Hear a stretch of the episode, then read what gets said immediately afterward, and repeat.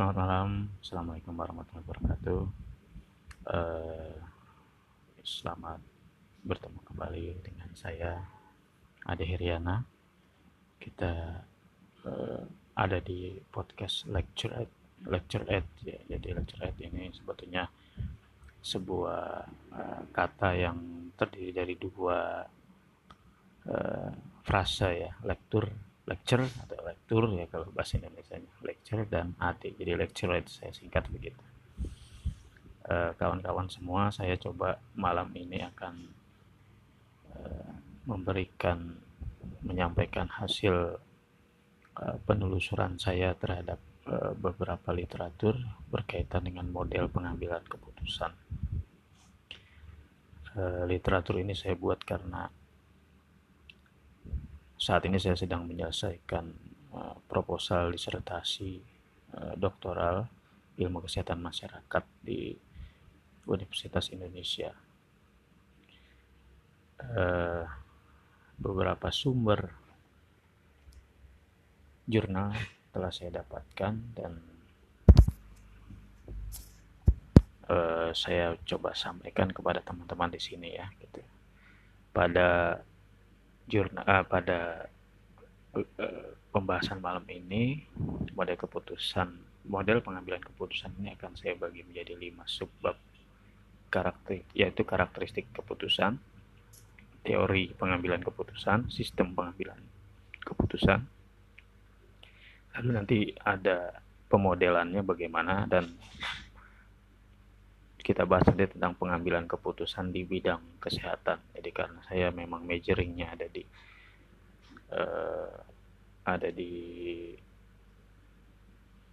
kesmas ya atau public health ya tentunya uh, banyak yang berkaitan dengan kesehatan dalam penyampaian course dari saya ini. Oke, yang pertama uh, tentang apa sih itu keputusan.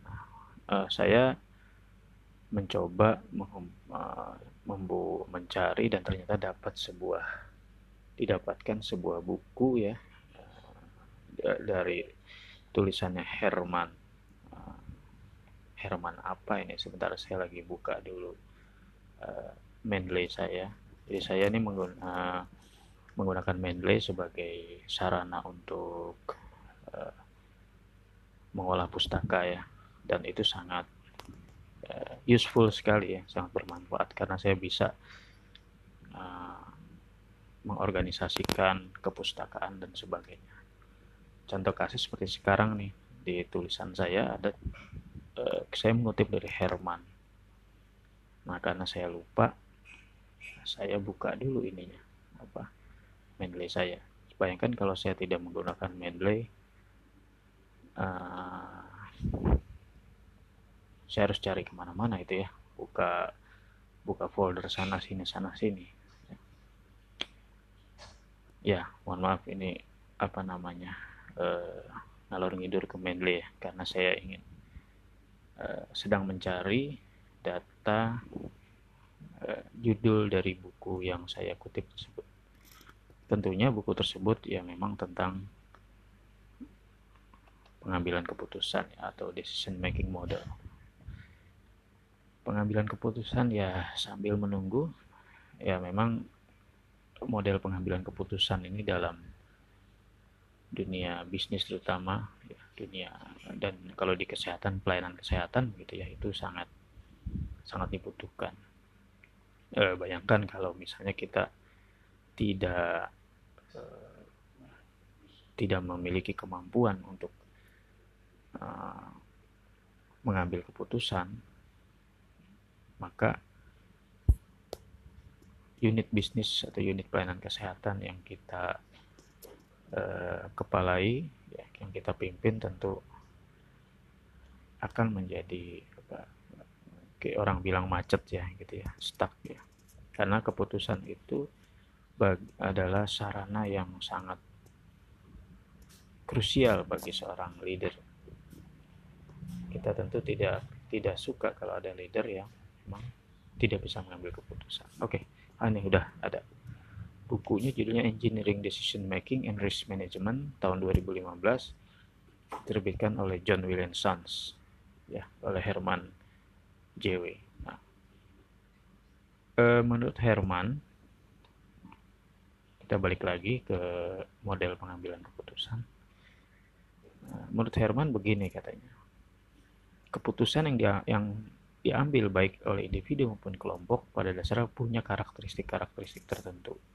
Dan karakteristik karakteristik tersebut ya bisa dilihat berdasarkan situasi yang dihadapi frekuensi eh, pengambilan keputusan dan komponen dari keputusan itu sendiri.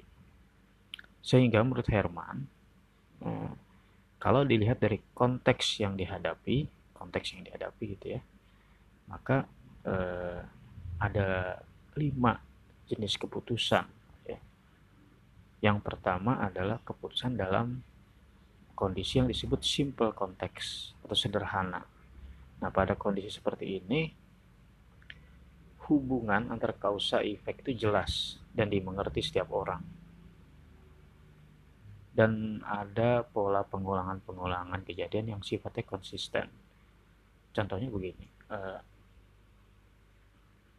Contohnya kendaraan bermotor itu bisa jalan karena ada bahan bakar. Jelas itu ya.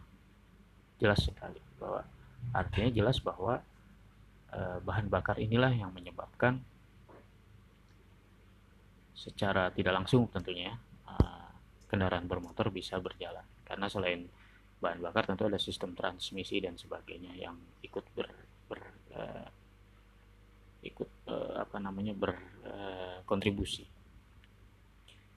Contoh yang sudah jelas misalnya orang menderita uh, penyakit COVID-19 itu karena ada paparan virus eh, SARS-CoV-2 ya, itu sudah jelas. Jadi hubungannya itu jelas.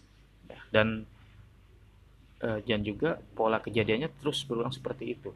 Jadi artinya setiap orang yang dinyatakan positif COVID-19 itu pasti uh, ada terpapar uh, virus SARS-CoV-2 tersebut ya gitu. Uh, yang kedua ada uh, keputusan yang sifatnya itu hubungannya antara kausa efek tadi itu diketahui namun masih membingungkan. Kata Herman disebut ini there are no unknowns. There are known unknowns. Nah, di sini dibutuhkan seorang ahli pakar untuk uh, dapat mendiagnosisnya. Nah, kondisi ini menurut Herman disebut dengan complicated context. Complicated. Jadi complicated itu kalian kita tentu pernah dengar istilah complicated itu ada sesuatu yang rumit ya. Ini nariknya ke mana gitu ya masih membingungkan misalnya sampai sekarang kita tidak paham kenapa masih saja ada orang-orang kita yang tidak percaya dengan COVID-19 misalnya gitu. Itu kan sesuatu yang complicated dan dan itu harus di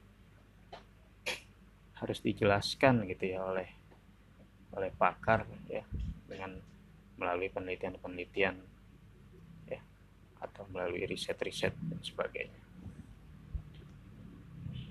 sampai sekarang pun misalnya yang membingungkan mungkin tidak terkait dengan covid ya misalnya uh, kita masih bingung tentang hewan kucing misalnya gitu ya.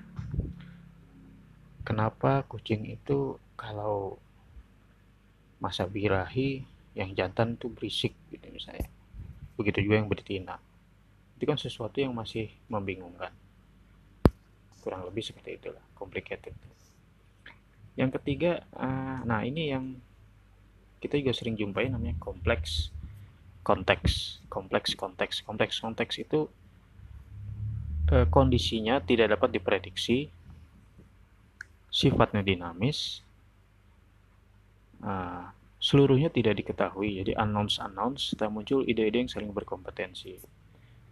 Kompleks konteks ini terjadi ketika masalah yang kita hadapi ini variabilitasnya sangat tinggi sangat tinggi dan dan yang kita dan, dan kita tidak tahu banyak hal-hal yang tidak tidak ketahui di situ Jadi tadi beda dengan simple konteks, kita sudah tahu polanya.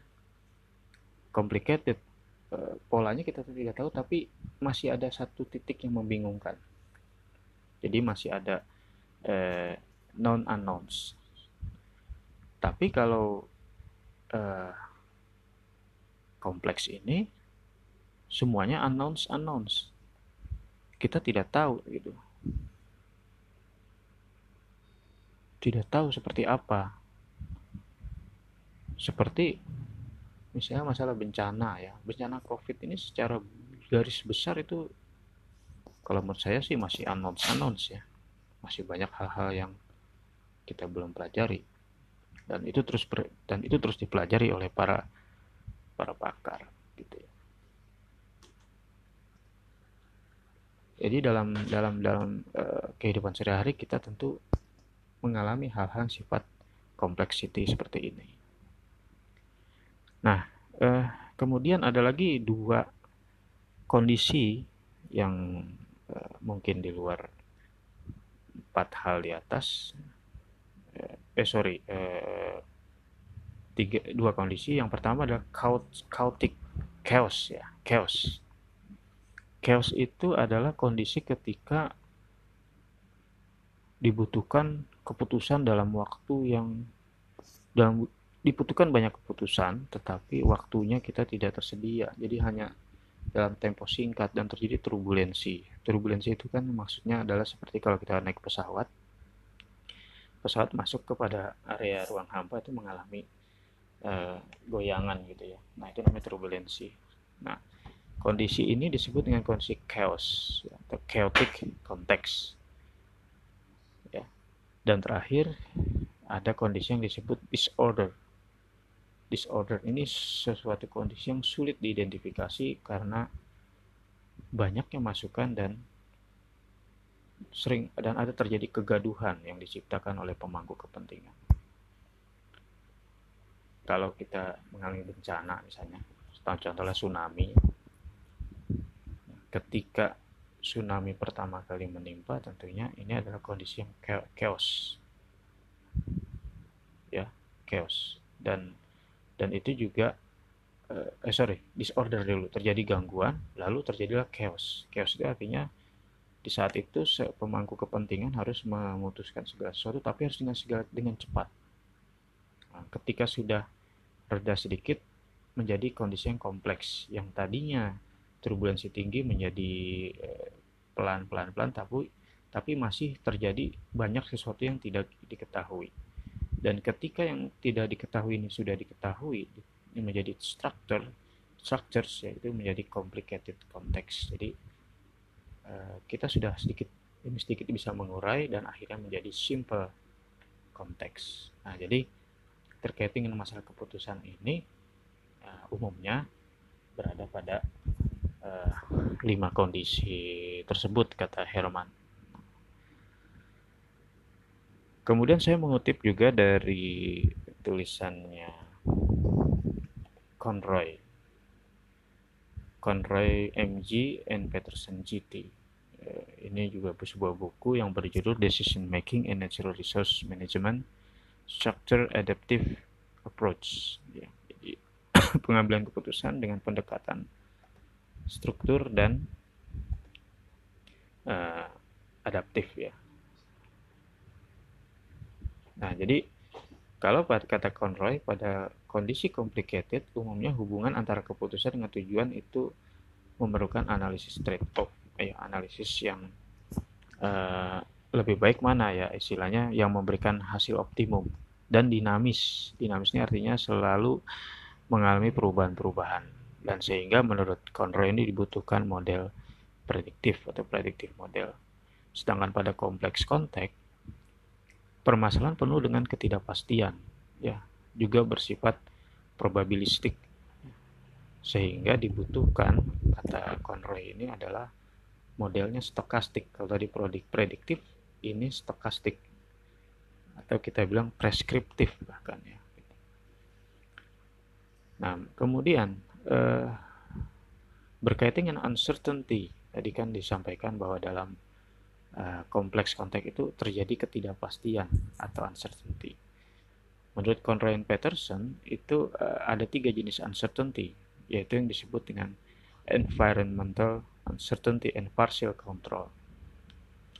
Ya, ketidakpastian yang berasal dari lingkungan dan hanya sebagian yang dapat dikendalikan. Lalu ada statistical uncertainty, ketidakpastian serat statistik dan hanya sebagian saja yang dapat diobservasi. Jadi sebagian di, dapat dikendalikan tapi sebagian juga sulit dikendalikan. Dan yang terakhir, ketidakpastian itu sudah terstruktur seluruhnya.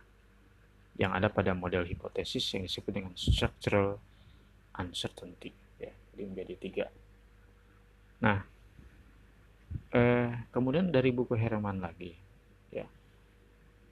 kalau tadi kan melihatnya dari sisi konteks ya. Kalau menurut Herman dari sisi frekuensi pengambilan keputusan, keputusan itu dapat dibedakan menjadi routine decisions ya dan juga eh, exceptional decisions, keputusan eksepsi. Nah, kalau routine decision ini keputusannya diambil berkala dan dampaknya terbatas sedangkan exceptional uh, decision itu diambil secara tidak berkala. Eh, dan yang terakhir eh, keputusan itu juga karakteristiknya bisa dilihat dari eh, komponennya ya. Menurut Conroy and Peterson dan Herman ya komponen keputusan terdiri dari alternatif keputusan jadi keputusan apa saja alternatif A B C D dan sebagainya lalu atribut atau atribut-atribut atau hal-hal yang uh, bisa kita terima dalam pengambilan keputusan, misalnya kriteria, tujuan, indikator, ya. lalu hambatan. Jadi uh, hambatan yang dihadapi dalam pengambilan keputusan apa uh, dan ketidakpastian serta hasil serta konsis konsekuensi pengambilan keputusan. Jadi eh, setiap pengambilan keputusan itu pasti ada konsekuensi-konsekuensinya, yaitu merupakan komponen dari dari keputusan. Dan khusus menurut Conroy Peterson ada lagi yang disebut dengan modelnya, model pengambilan keputusan seperti apa. Ya, jadi eh, kawan-kawan semuanya eh, itu mungkin yang eh, bisa saya sampaikan tentang decision karakteristik atau ke karakteristik keputusan. Jadi eh, keputusan itu sesuatu yang setiap hari kita lakukan, ada dalam kehidupan sehari-hari. Dan ternyata keputusan yang kita ambil itu pada dasarnya ada dalam konteks-konteks yang berbeda, lalu dalam uh, waktu yang berbeda dan uh, dengan komponen-komponen yang uh, berbeda juga gitu uh, untuk lebih jelasnya nanti uh, bisa email ke saya. Dua buku ini saya saya pikir sangat menarik. Silakan email kalau memang ingin mempelajari lebih dalam yaitu buku yang ditulis oleh Herman JW ya yang berjudul mana tadi ya? Nah ini judulnya adalah Engineering Decision Making Risk Management. Dan satu lagi ditulis oleh eh, MG Conroy dan uh, Peterson GT ya, Decision Making in Natural Resource Management Structured Adaptive Approach. Juga terbitan dari John W. and Sons Incorporation. Selamat malam semuanya. Semoga uh, course atau saya menyebutnya course atau mungkin bukan course kalau course itu kursus ya terlalu ini ya mungkin ya celoteh lah. Celoteh saya malam ini bisa memberikan eh, manfaat bagi anda semua sebagai pendengar podcast saya. Assalamualaikum warahmatullahi wabarakatuh